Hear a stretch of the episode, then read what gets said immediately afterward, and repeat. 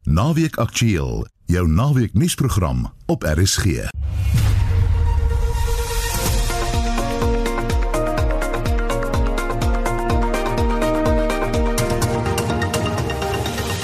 Goeiemiddag in vandag se program. Wat beplan die regering met die omstrede voorgestelde sekuriteitsplan? Ons praat met 'n ekonoom. Saru bied aan om die oorblywende wedstryde in die rugby kampioenskapsreeks hier tuis te speel. Suid-Afrika palm nog twee medaljes in by die junior wêreld atletiek byeenkoms. Ek oefen baard om tot hier te kom. Ek staan in die oggende op wanneer mense slaap en ek doen dit alles saam met my pa want ek het die beste ondersteuningsraamwerk by die huis. En die Voortrekker Monument vertoon eksklusiewe skatte. So die man het gegaan en hierdie hele kus het hy toe nou in parfien gesit en dit gaan begrawe. En dit is toe nou wat ons vandag sien. Die oorblyfsels van hoop en deursettingsvermoë en familie. Baie welkom by Naweek Aktueel. Die span saam met my in die ateljee vandag, redakteur Wessel Pretorius en ons tegniese regisseur Silwester Komane.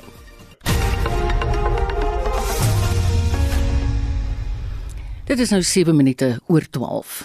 Die jongste misdaadstatistiek skets 'n kommerwekkende prentjie. Van April tot Junie vanjaar is meer as 5000 mense vermoor en meer as 10000 verkrag. Vincent Mofokeng doen verslag. Die minister van polisie, Bekkie Cele, sê dat kontakmisdade in die land met 60% toegeneem het. Hy sê kontant in transito rooftogte sowel as moorde neem ook toe. Cele beskryf die land se misdaadvlakke as aklag. Hy het aan die media gesê die situasie moet dringend aangespreek word. Contact crimes such as murder, attempted murder, sexual offences, and all categories of assault registered 60.6% increase between April 21 to end of June 2021. 5,000 people were killed in South Africa. This is 2,294 more people killed compared to the corresponding period in the previous financial year. Die minister betreur ook die voortsleepende aanvalle op die polisie. Hy sê 32 polisiebeamptes is deur misdadigers doodgemaak. Kyle veroordeel ook die polisiebeamptes wat aan die verkeerde kant van die wet vasgetrek word. National Commissioner has sanctioned an agent internal investigation in the allegations of theft of firearms by police members at the Node police station allegedly used by the CIT gangs. This is in line with departmental cleanup campaign. A total of 32 SEPS members have been killed in the first quarter of the 2021-2022 financial year. Nine of these members died on the line of duty and we salute them. Kyle is bly dat die meerderheidlede teen COVID-19 ingeënt is. Meer as 38000 polisiebeamptes het COVID-19 opgedoen terwyl meer as 800 lede aan die pandemie beswyk het. Virus has infected over 38,000 members. Sadly, 821 of our colleagues have perished due this virus, including our Deputy National Commissioner, Lieutenant General Sindile Mfazi, who passed away last month. May their souls rest in peace. We are also appreciative that over 50% of our members have been vaccinated and making a call to all our members to avail themselves for vaccination. Die COVID-19 pandemie het ook 'n uitwerking op die polisie se vermoë om nuwe rekrute vir 'n tweede agtereenvolgende jaar te aanvaar. The impact of COVID-19 has been hard on South African Police Service. The police service is bleeding members through attrition and the virus has resulted in the inability to take in new police recruits for 2020 and 2021. That's two years. 2020, we did not have any recruits. 2021, we don't have any recruits because of the COVID 19. The virus has also meant scores of police stations have had to close due to the contamination. Dit beteken dat altesaam 14000 voornemende nuwe polisierekrute nie by die diens kan aansluit nie. Die verslag van Vaniel Shuma. Ek as Vincent Mufokeng vir SAI kan nuus. En maandagooggend in Monitor word daar breedvoerig uitgebrei oor die jongste misdaadstatistiek. Die nuutverkose spreker van die nasionale vergadering, Nosifiwe Mapisa-Nkakula, sal moet hard werk om te bewys dat sy die parlement kan lei met integriteit. Dit was die boodskap van instellings wat die grondwet beskerm. Opposisiepartye bevraagteken die voormalige minister van verdediging se integriteit, onder meer oor beweringe dat sy geld van 'n diensverskaffer aanvaar het. Zelin Merrington doen verslag. Die parlement se gesamentlike staande komitee oor verdediging ondersoek beweringe dat die voormalige minister van verdediging omkoopgeld van 5 miljoen rand ontvang het van 'n diensverskaffer. Die uitvoerende sekretaris van die Raad vir die Bevordering van die Suid-Afrikaanse Grondwet, Lose Naidu, sê dit is jammer om 'n termyn so te begin. It is critically important that a Speaker of the National Assembly has the confidence of all corners of the National Assembly and amongst all political parties. It is therefore unfortunate that Nosiviwe Mapisa Nkakula enters her tenure as Speaker under a cloud with two separate parliamentary inquiries focusing on her and her shortcomings. She will need to earn the respect of all parties so that Parliament can discharge its constitutional responsibilities effectively especially with regards to holding the executive and organs of state to account. Sy sentiment word ondersteun deur Paul Hoffman van Accountability Now, 'n instelling wat fokus op die bevordering van wet en orde. For the sake of constitutional democracy, one must hope that the new speaker can overcome the violation of the separation of powers, the conflicts of interest, and the question marks over her ability to lead our parliament with the integrity and impartiality that the Constitution expects of her. Nog kritiek op Mapisa Ngakula kom van 'n groep genaamd New Nation Movement. 'n Dag voor die verkiesing het die groep 'n brief aan die parlement gestuur waarin hulle regsaksie dreig teen Mapisa Ngakula se verkiesing. Die groep meen sy is nie bevoeg vir die posisie nie as gevolg van beweringe van korrupsie teen haar en dat die ANC caucus nie die aanstelling goed genoeg oorweeg het nie. Die EFF wat nie aan die verkiesing deelgeneem het nie, het ook aangedui dat hulle regshulp inwin oor die ontplooiing van Mapisa Ngakula na die parlement. Zelin Merrington, Parlement. Daar's ewige kritiek teen die regering se voorgestelde nasionale fonds vir maatskaplike sekerheid.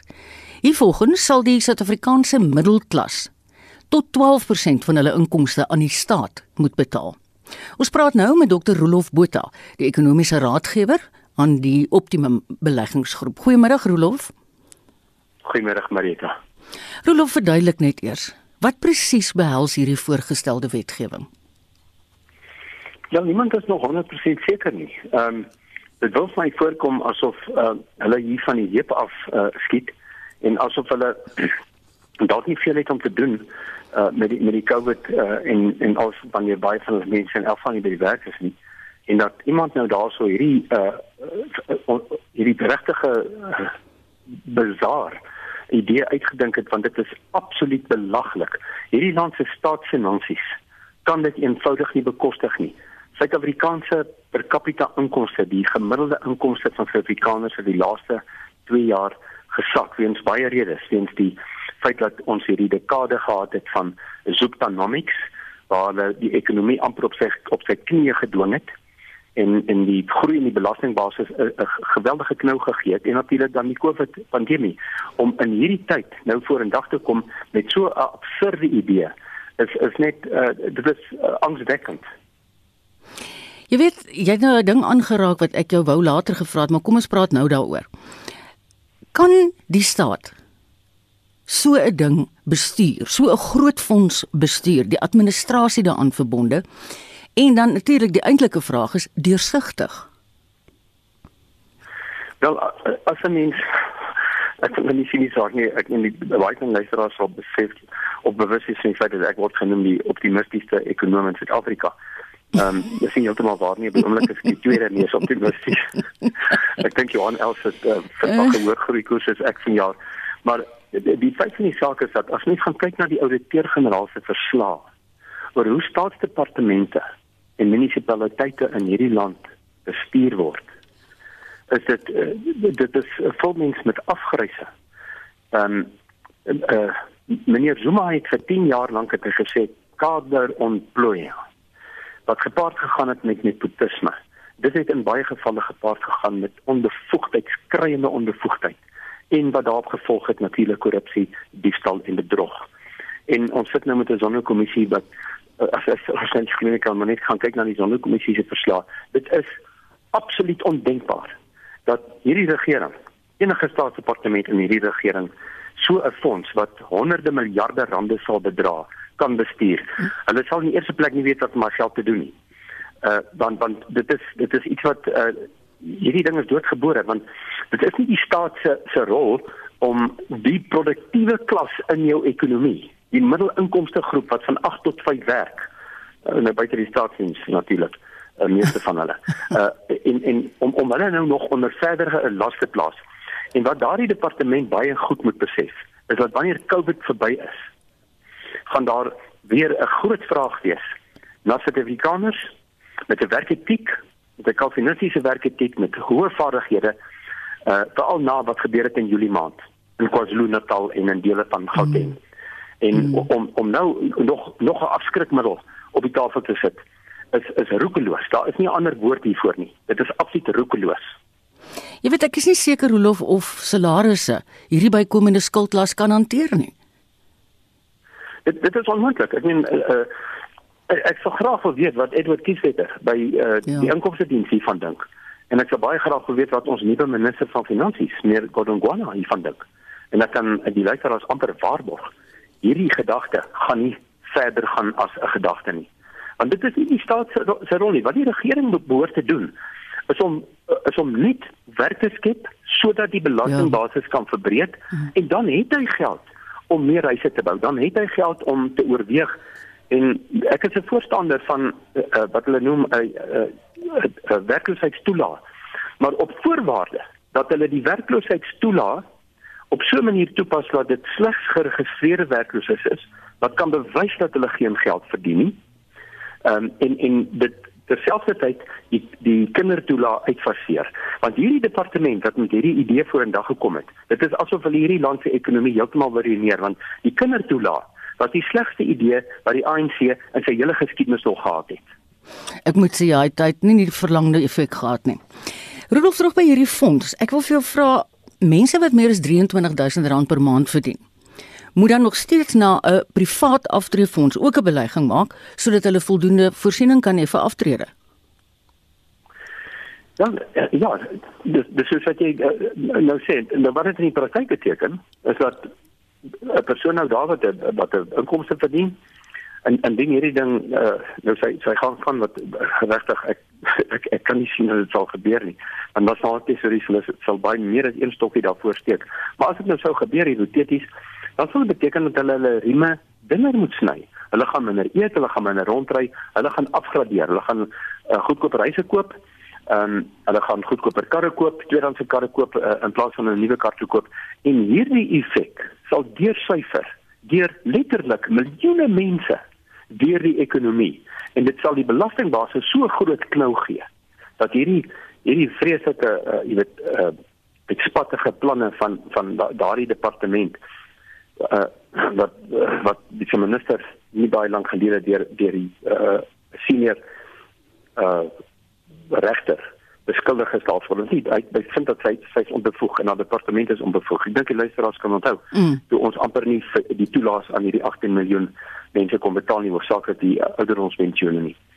So ehm um, dit dit is net 'n uh, idee wat wat so sleg is en en wat daar daar daar's geen makro-ekonomiese impakstudie hiervan gedoen nie want indien mense doen indien mense nou 'n paar uh, uh, ekonometriese modelle uh, uh, jy weet van stapel stuur en hulle kon dit gedoen het. Hulle kon verskeie universiteite genader het wat oor gesaghebende ekonometriese modelle beskik. En hulle gevra kyk kom ons toets hierdie ding. Uh, sê vir ons wat gaan die impak op die ekonomie wees? En ek kan ek kan nie dat dit waar word. Die impak op die ekonomie gaan katastrofies wees. Jy weet 'n ander ding wat ek ook baie bekommerd oor is is hoe gaan 'n mens hoe gaan die buitelandse investeerders daarop reageer? Ja, dis 'n dis 'n baie goeie punt. Ek ben in indien ehm um, 'n maatskappy soos uh, soos Daimler of Toyota of of 'n uh, Nissan BMW die uh, groot maatskappye wat direk en indirek verantwoordelik is deur die hele motorbedryf waardeketting in Suid-Afrika vir vir honderde duisende formele sektor werksgeleenthede. Indien hulle na na na hierdie stukkie na hierdie plan kyk, dan gaan hulle self die vraag afvra maar kyk, Suid-Afrika is nie 'n hoë inkomste land nie. En hy wil nou met 'n beleid vorendag kom wat mens dalk in Swede sou kon gekry het. Uh in in 'n hoë inkomste wat hulle noem 'n uh, na post-industrial in in Engels.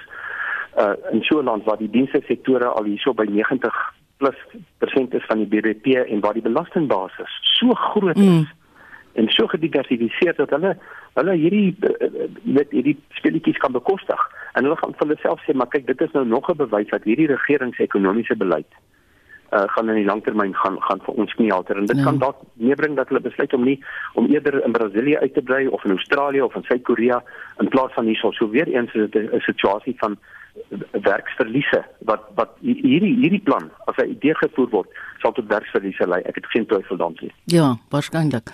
Rolof is daar enige voordele verbonde aan hierdie plan? Ek nie weet ek kan van dink nie.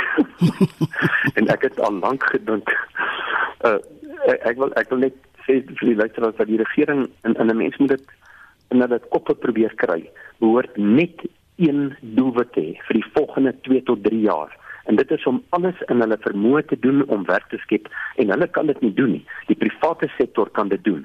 So wat moet hulle doen? Wat wat meneer Mboweni meneer Ramaphosa nou al vir 2, 3 jaar lank beloof, verwyder die struikelblokke in die pad van die private sektor hmm. om werk te kan skep. En dit begin by arbeidswetgewing en uh, verder uit die afsake hierdie oormatige regulering uh, en dan om meer vaardighede al is dit dan net op 'n vennootskapsbasis in die openbare sektor in te trek. En op 'n positiewe noot moet ek daarom sê dat hulle het 'n tegniese adviespaneel nou saamgestel om hulle te help vir hierdie 340 miljard infrastruktuurprogram.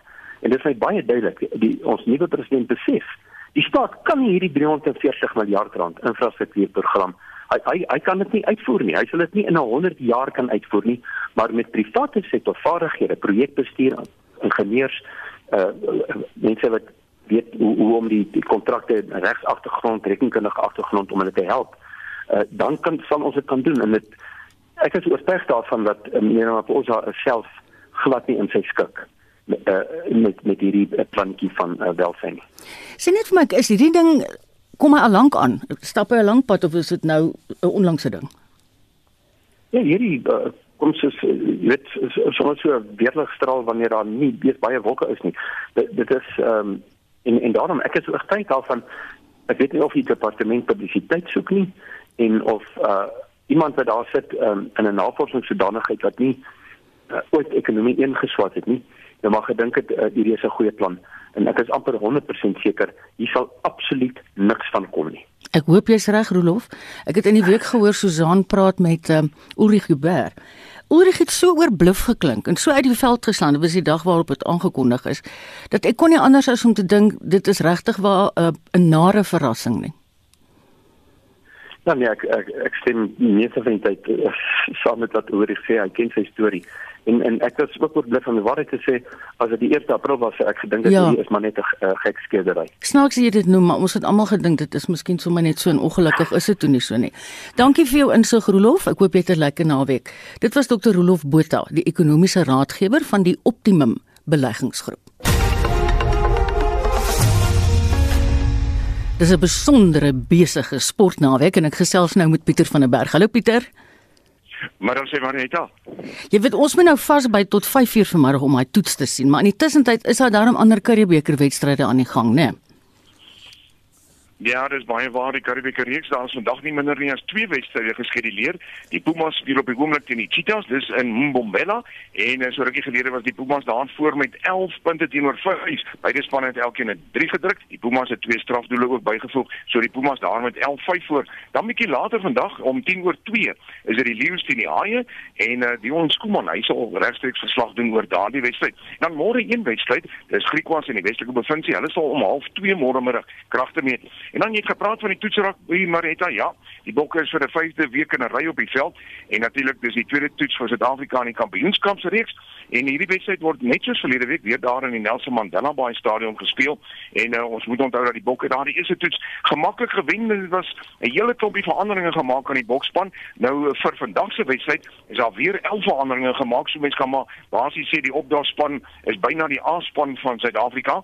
Nou Lode Jager, hy sal in sy 50ste toets speel en Marvin Orri, hy sal in sy eerste opdragtoets uh, sal hy in aksie wees.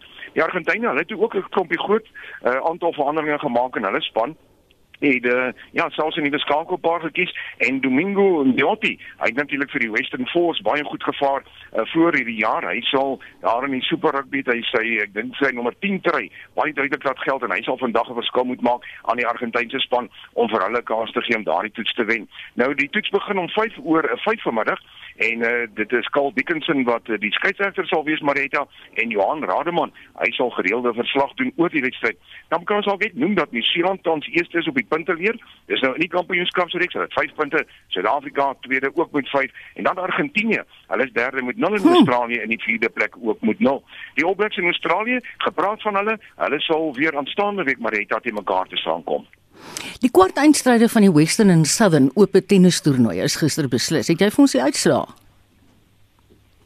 Ja, ek dink die belangrikste deel van dit is om te loer na die mans enkelspel se kwartfinale.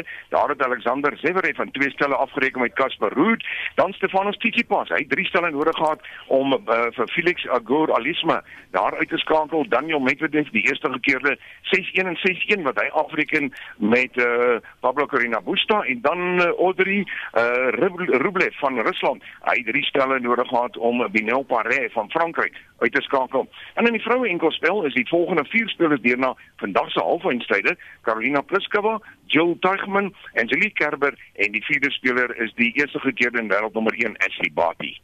Vertel ons 'n bietjie wat se golftoernooie gaan aan.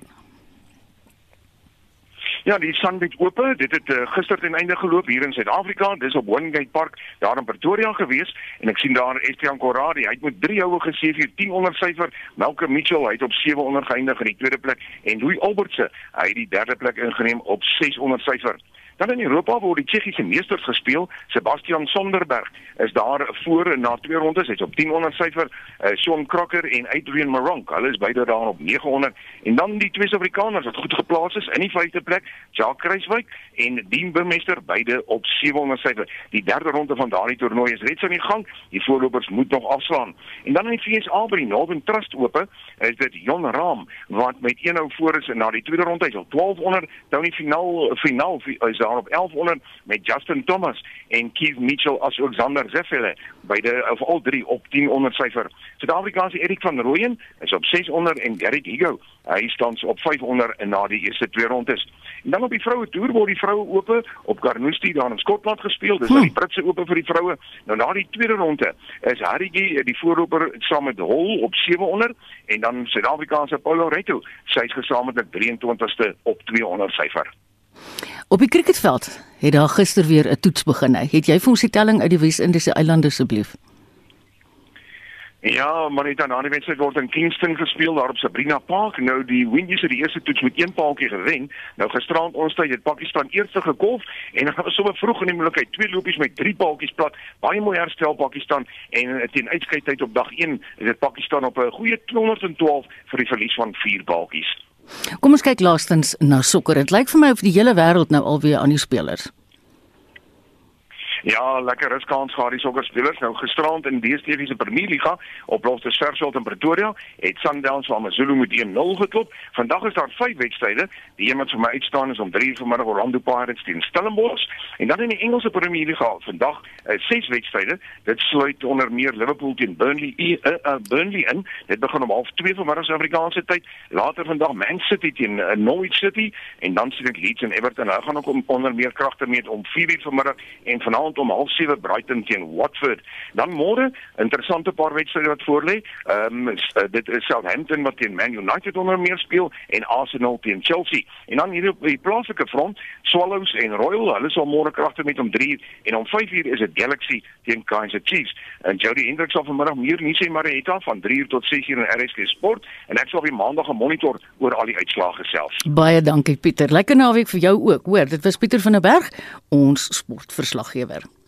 Bly by sport. SA Rugby sê hy staan gereed en het die vermoë om die oorblywende toetswedstryde in die rugby kampioenskapsreeks aan te bied.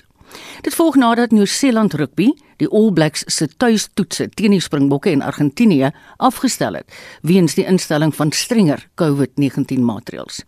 Suid-Afrika en Argentinië moes môre al na Australië gereis het, maar dis nou vir eers laat vaar en die spanne wag nou op verdere instruksie.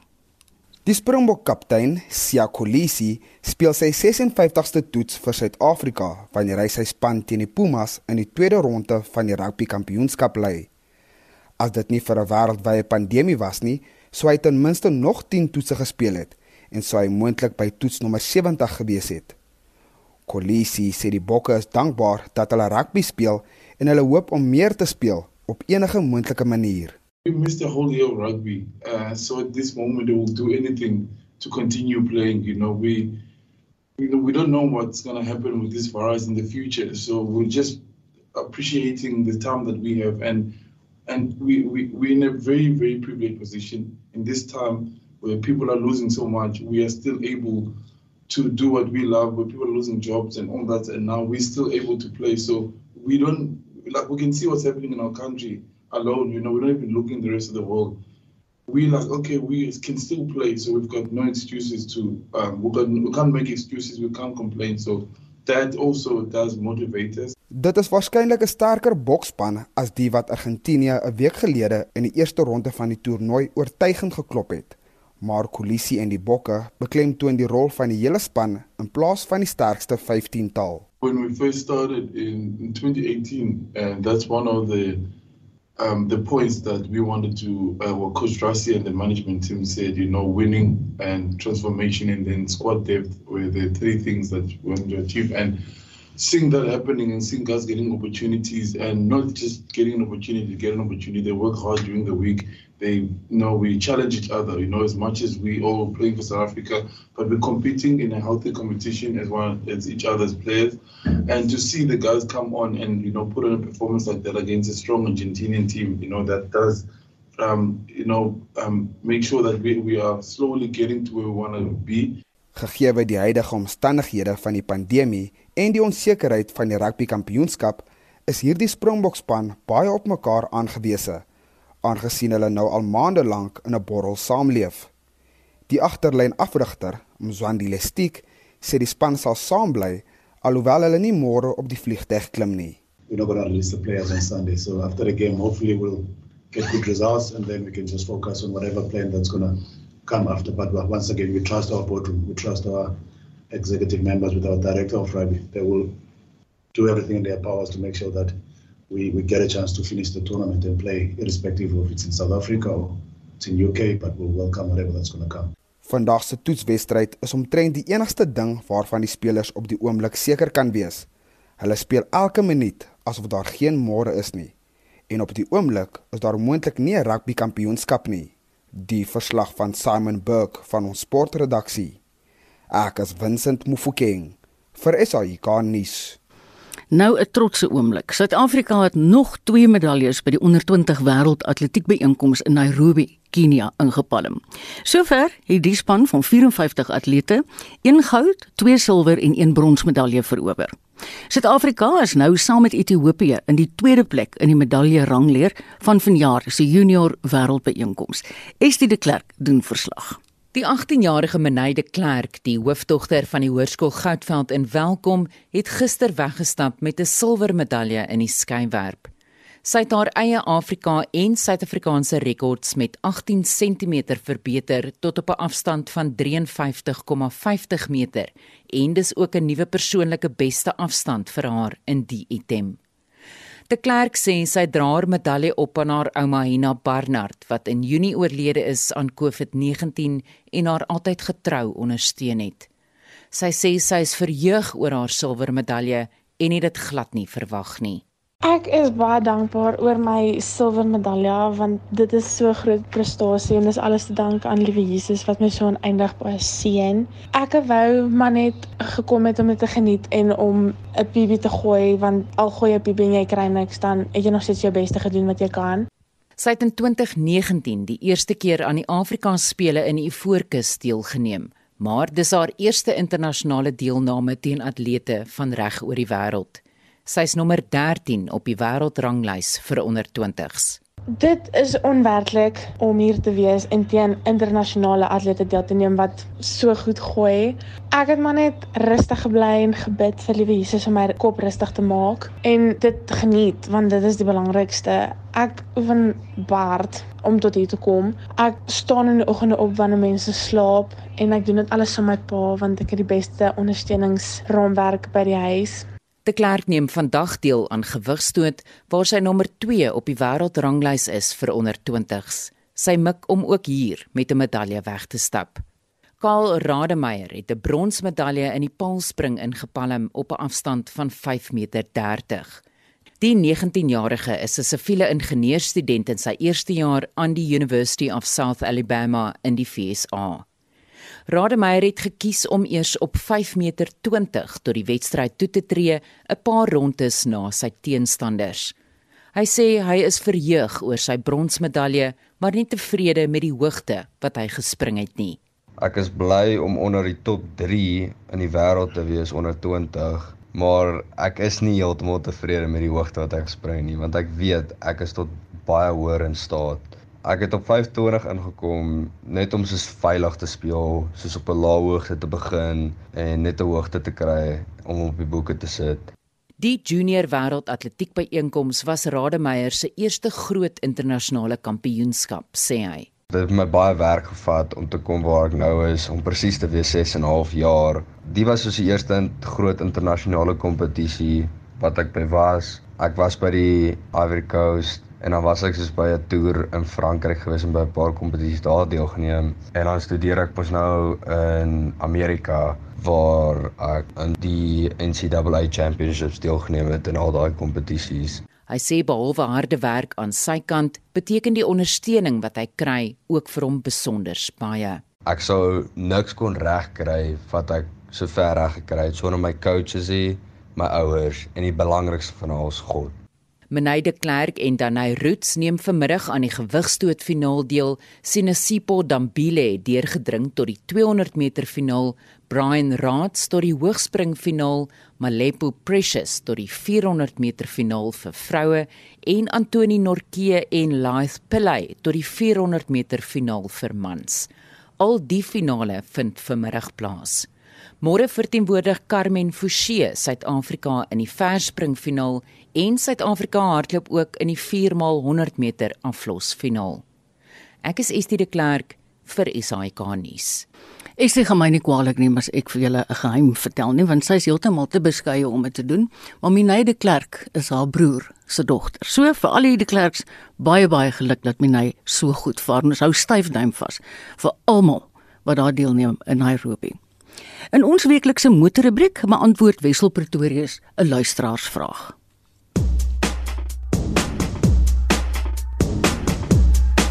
'n Luisteraar Pieter Lou het 'n navraag oor die nuwe Land Rover Defender se sogenaamde monocoque konstruksie. Hy skryf: "Dit is egter iets wat soverre kon navors by hiper en supermotors tuishoort. Dit is dalk eerder 'n unibody konstruksie waar die bakwerk aan 'n vloerpan geheg word, skryf Pieter. Om die dinge te verduidelik, het ek ouer gewoonte gaan kers opsteek by Nicol Lou. Hy is 'n tegniese konsultant en die besigheidsontwikkelingsbestuurder by SVU Gepantserde Voertuie. Ja, Wessel Pieter praat van die verskille tussen die ou en die nuwe Defender as dit kom by die bakwerk ontwerp of die samestelling daarvan. En ons weet die ou Defender was 'n bakwerk op leerraam onderstel gewees, terwyl die nuwe een is wat hulle noem in Engels 'n unibody. So, kom ons kyk net 'n bietjie terug. So in die geskiedenis terug was meeste van die voertuie wat gebou was 'n bakwerk op onderstel. So daai leerraam onderstel of in Engels ladder frame chassis is gebruik en dan het al die bakwerke daarop gepas. En uh, in die ou tyd kon jy natuurlik dan 'n hele paar verskillende voertuie op daai raamwerk bou as jy hom bietjie korter, bietjie langer maak. En uh, dit het vir die kar die styfheid of die sterkte dan gegee, nie die bak nie. Nou vandag veral vir passasierskarre het ingenieurs agtergekom dat hulle kan daai kragte baie meer versprei deur die bakwerk van die voertuig met die monteringspunte van die suspensie en so aan in die bakwerk self En uh, dan is die voertuig heelwat ligter, hy's miskien torsioneel self sterker as 'n 'n leerraam onderstel. Maar waar die leerraam onderstel nog steeds vandag 'n uh, tops is, is waar dit kom by vragdra, want hy's baie beter om daai buigmoment wat deur 'n vrag veroorsaak word te kan hanteer. So daarom sal ons sien dat vandag baie kommersiële voertuie, al die bakkies wat ons meestal kry, die vragmotors het nog steeds 'n leerraam onderstel. En uh, nou het die Defender ook gegaan van 'n leerraam na dan ou nou 'n unibody. So die harde baarde daar buite sal nou vir jou sê ja, maar die die nuwe Defender is dan nou bietjie sagter as wat die ou ene was omdat hy nou nie meer daai leerraam onderstel nie. Wat tot 'n sekere mate miskien waar sal wees as dit veral kom na die vragdra vermoë van die nuwe Defender.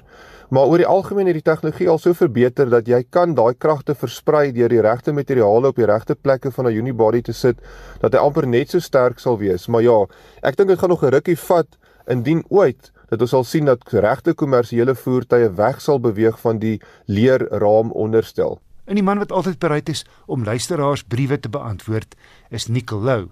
Hy's 'n tegniese konsultant en die besigheidsontwikkelingsbestuurder by SVU Gepantserde Voertuie.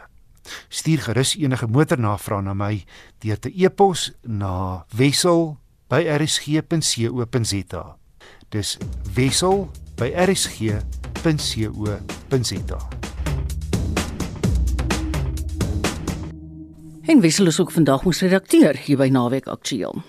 Die Nasionale Film en Video Stichting NFVF het 'n verdrag met sy Nederlandse eweknie gesluit om Suid-Afrikaanse rolprente te befonds.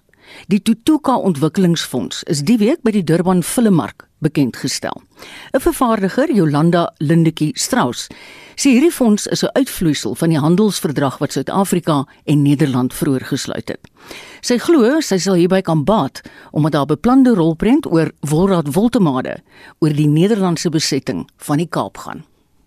Ek het 12 jaar lank navorsing gedoen oor Wolraad Woltemare en ek het bietjie draaiboek skryf ondervinding, maar nie genoeg om regtig die storie tot sy volle potensiaal te ontwikkel nie dink ek. En die hindernisse en struikelblokke wat daar is om befondsing te kry is net oorweldigend. En met die aankondiging kom dit uit dat daar is eintlik al 'n verdrag tussen Suid-Afrika en Nederland vir 'n paar jaar. Hulle bring so een film 'n jaar uit. Maar hierdie befondsing is spesifiek die Tutuka befondsing vir die ontwikkelingsdeel van 'n film, die draaiboek gedeelte. Want dis wat Tutuka beteken, ontwikkel of groei. Wat behels die Tutuka fonds? Wanneer dit by befondsing kom van films, is dit gewoonlik befondsing vir die vervaardiging en die vrystelling van die films So die Tutuka is anders want dit befonds die gedeelte wat jy gebruik vir die draaiboek spesifiek. So vier mense van Nederland en vier mense van Suid-Afrika gaan saamwerk aan die stories wat goedgekeur is om dan nou 'n draaiboek te skep wat goed genoeg sal wees om na vervaardigers toe te vat wat hulle dan nou weer kan uitvat na finansiërs toe en befondsers toe ensovoorts. Tutuka spesifiek is 'n fonds van 1.4 miljoen rand per jaar. 700 000 word deur Nederland gegee en 700 000 word deur Suid-Afrika bygedra en dit is dan 'n jaar lank se ontwikkeling aan die vier konsepte. Wat dink jy gaan dit vir Afrikaanse films beteken? Die feit dat dit in enige een van die landstale kan wees, Afrikaans insluitend, is natuurlik wonderlike nuus vir ons. Baie mense is bang dat Afrikaans gaan uitsterf as 'n taal. Maar ek glo absoluut dat deur films en dokumentêre en TV-reekse gaan ons ons taal lewendig hou. So hierdie is absoluut 'n is ongelooflik. So wat ek kan sê is dis ongelooflik. Ek dink die opwindendste deel van alles is dat toe die CEO van NVF Makuza Zana Kanile gesê het dat die hele ding met die Tutuka fonds is om nie stories te skep wat geknip en geplak is volgens wat van tevore gewerk het nie. Dit kan enige genre wees. Dis vervolging te films, maar dit kan fiksie of nie fiksie wees. En hierdie keer is dit nie vir uh, die stereotypiese idee van Afrika stories nie. Hierdie keer soek hulle stories wat eg is. Met ander woorde, Wilraad staan 'n kans. En dit was Jolande Lindetjie Strauss. Sy is 'n plaaslike filmvervaardiger. Sy het gesels met Anne Marie Jansen van Vuren wat altyd ons rolprentdinge behartig. Kom ons gaan kyk na argief. Hierdie is 'n baie mooi storie. En daar gaan aan die einde gaan ek wil sê waar ek julle gaan kyk vir fotos hiervan. Die Voortrekker Monument in Pretoria het sy museum stoorkamer se deure oopgegooi vir 'n eksklusiewe blik op die skatte wat daar gestoor word. Die meeste van die artefakte is aan die monument geskenk. Die versameling word agter slot en grendel in temperatuurbeheerde kamers gehou, maar sommiges sal binnekort by die monument vir die publiek uitgestal word. Lila Magnus doen verslag. Agter slot en grendel is gewere uit die Tweede Vryheidsoorlog sowel as werp en steek as 'n gaie wat baie meer as 100 jaar oud is. Maar dis in die laaie toegedraai met tissuepapier waar die onvervangbare skatte gehou word. 'n Kindervoortrekkerkappie met 'n pink patroon op en versier met patiksteke is een van die skatte. Die handgemaakte kappie getuig van moederliefde, maar Die twee gate aan die kante, omring met bloed, getuig van die wrede manier waarop die kind dood is. Monique Lubbe, die opvoedkundige beampte van die Pioniersentrum by die Voortrekker Monument, sê die kappie is in 2011 aan die monument geskenk. Volgens die skenker se familiegeskiedenis wat aan ons geskenk is, is basies wat sy inpraat van haar familie wat aan haar oorgegee is die die betrokke kappie was gevind by 'n 'n Natalse slagveld. So ons het bepaal dit is 'n kinderkappie want die vorm van die kappie is is 'n kinderkappie. Daar's nie 'n moontlikheid dat dit dalk aan 'n vrou behoort het nie. So daar was twee van daai groot uh moorde wat plaasgevind het. So dit was mos in Benen en in Bloukrans. Ons vermoede is dat dit van Bloukrans afkom omdat dit die grootste kindermoord was van ons van ons geskiedenis. 185 kinders is op 17 Februarie 1838 tydens die groot trek op die oewer van die Bloukransrivier in KwaZulu-Natal met assegaaie doodgesteek. Assegaaie soortgelyk aan die wat 'n paar meter verder in die kluis toegesluit word. Patrone wat op die slagveld by Bloedrivier opgetel is, word ook in die stoor bewaar. 'n Swart Singer naaldwerkmasjien het tussen Januarie 1901 en 31 Mei 1902 gehelp dat 'n vrou en haar kinders nie in 'n konsentrasiekamp van die honger sterf nie. Hierdie naaldwerkmasjien was in 1902 gebruik in 'n uh, konsentrasiekamp. So hierdie vrou het basies hierdie masjien gebruik om klere te maak aan ander mense om die kamp om dis soos 'n ruilhandel. So in in ruil vir klere wat sy maak, het sy kos gekry sodat haar kinders beter kans het van oorlewing. 'n Wakus wat begrawe is gedurende die tydperk toe Engelse soldate die boere se plase afgebrand het, is ook aan die Voortrekker Monument geskenk. As ek hom nou oopmaak, kan ek julle indikasie gee van hoe oud hy is. Wat die familie gedoen het, is hulle het hulle persoonlike besittings hier ingesit, soos sy ma se voorskoot wat sy gedra het, sy was 'n verpleegster, is nog steeds hier binne-in. So daai tyd as jou plaas brand, jy het nie eintlik veel van 'n keuse nie. So jy moet maar dit wat jy kan vat en later kan bære, moet jy maar kan bære en dan moet jy maar kan terugkom. So die man het gegaan en hierdie hele kus het hy toe nou in parfien gesit en dit gaan begrawe. En dit is toe nou wat ons vandag sien. Die oorblyfsels van hoop en deursettingsvermoë en familie. Petra Lees, die museumkurator by die Voortrekker Monument en Erfenis Stichting, sê die items wat in die stoor gehou word, is onvervangbaar. Maar ek dink as gevolg van die waardevolle items wat hier gestoor en bewaar moet word, wat um, ons storie vertel, ons geskiedenis vertel, um, ons het items hier wat dateer uit die Groot Trek, die Anglo-Boereoorlog, die Pionierstydperk en um, dit veral elke item hier vertel 'n verhaal en 'n storie wat bewaar moet bly. Elke item wat doneer word, se geskiedenis word nagegaan om die egtheid van die item te bepaal. Dit verg nogal navorsing. Um, ons bes, um, bespreek ook die artefakte met ander kenners. Hoewel die besonderse items nie die heeltyd uitgestal word nie, word dit soms geruil met items wat reeds in openbare uitstallings is, sodat die publiek ook 'n kans kry om hierdie skatte te waardeer. Ek is Lila Magnus vir SAK nuus in Pretoria. Ek het net nou verwys na die fotos. Hulle is beskikbaar op ons Facebookblad, so jy kan gerus daarna gaan kyk. Dis baie interessant. Die Kaapse Wynland Distriksmunisipaliteit het 'n COVID-19 speelietjie bekend gestel. In 'n poging om deur bewusmaking onderwysers en ouers veilig te hou. Ons praat nou met die kommunikasiehoof van die munisipaliteit, Joanne Otto. Hallo Joanne. Hallo Mariet en hallo luisteraars, dit is altyd lekker om met julle te gesels. Ek moet jou um, sê, hierdie klink kan vrek interessant. Vertel ons van die bordspeletjie. Ha Mariet, ons is so opgewonde daaroor. Weet jy, dit is um dis 'n bewusmakingsspeletjie wat um en ons glo dis die eerste van sy soort in die land en nie te wêreld nie. Alhoewel ek um definitief nie daai um goed wil dra nie. maar um ek dink dit is ons dink dit is die eerste van sy soort en wat ons agtergekom het um kyk van 'n distriksmunisipaliteitsperspektief waar is waar ons um is ons onder um mandaat om bewusmaking te doen oor COVID. En alhoewel daar ongelooflik baie materiaal beskikbaar is vir mense, was daar min vir kinders. Daar's min um ja wat kinders kon gebruik mm. of wat vir kinders uh, beskikbaar is in hulle eie taal. En um, ons het 'n bietjie gaan kyk en besluit om 'n uh, bordspelletjie te ontwikkel wat um, spesifiek op kinders gerig is op die grondslagfase ouderdom, oh, so okay. tussen 5 en 8 jarige ouderdom. Mm -hmm. En veral um, dit het eintlik begin toe ons hoor van die hoeveelheid onderwyseresse en onderwysers wat siek word van ja. COVID en die ongelooflike effek wat dit het op die opvoeding van ons kinders. Weet skole moet toemaak, kinders moet by die huis bly, mm. dan kan hulle weer kom.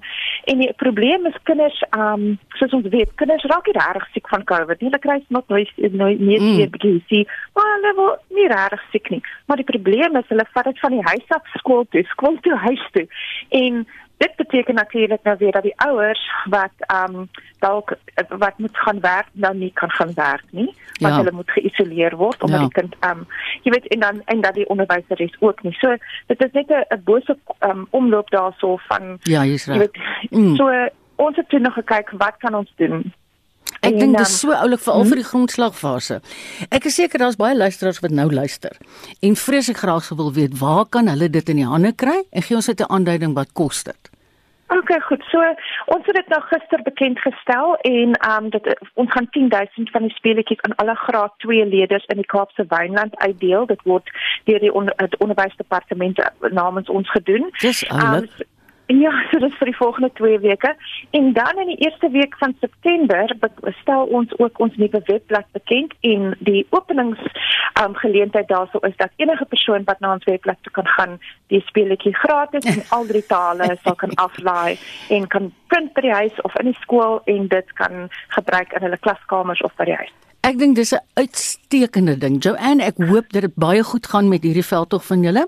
Ek het gesels met die kommunikasiehoof van die Kaapse Wynland Distriksmunisipaliteit, Joanne Otto. Naweek aktueel staan einde se kant toe, maar nie voordat ons hulle vertel dit nie.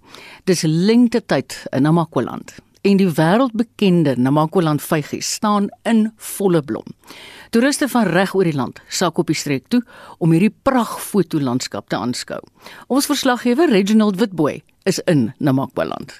Dis lente tyd in al sy pragt in Namakwaland. Die stowwerig en woestynagtige streek het 'n bedekking van die lieflike kleurryke vygies. Die streek lok al hoe meer vlugte en toeriste. Die Springbok lughawe bestuurder Morney Kutsie verduidelik. Ons veld is mooi en dit dit lok baie toeriste. So in hierdie tyd het ons 'n uit ons 'n toename in vlugte. Uh ons het baie meer vlugte as normaalweg. Ons kry soos die vliegtuig agter my kry ons toeriste wat van wat van alle punte van Suid-Afrika af invlieg om te kom blomme kyk. Dis ook 'n wegbreekans vir talle om die vrede, rustigheid en mooi landskap te ervaar 'n reeds stresvolle jaar even when we flew in today, we started seeing purple and yellow, and we're getting very excited because we're going to start making our way a bit more inland. We're going to go to uh, Kamiskron, we're going to Skilpat, and yeah, we're just excited to see the flowers and spend time together and have a good weekend. I think it's not only the flowers, it's also the beautiful scenery. Mm. We've just flown over the most stunning desert area lovely rock formations, and yeah, hoping to get some good flowers, but otherwise just to meet some of the people and to really experience this part of the world. It was a beautiful flight, beautiful morning. We took it before sun, sunrise, and, and as Brian said, the, the flight from from there to here is just magnificent, just lovely, lovely. For us, third time lucky, and uh, we're going to see. We've already seen some flowers, which is which is a great start, and great to be here. I think the whole world wants peace and tranquility. But what's more important this weekend is that we are going to watch the Springboks win in Springbok. Die COVID-pandemie het talle, insluitend die toerismebedryf, negatief geraak. Paul Hein van Springbok Toerisme. Ons het tans het ons uh toeloop van toeriste wat na die streek toe kom. Ons bestemming bied aan aktiwiteite wat jy buite lig kan geniet.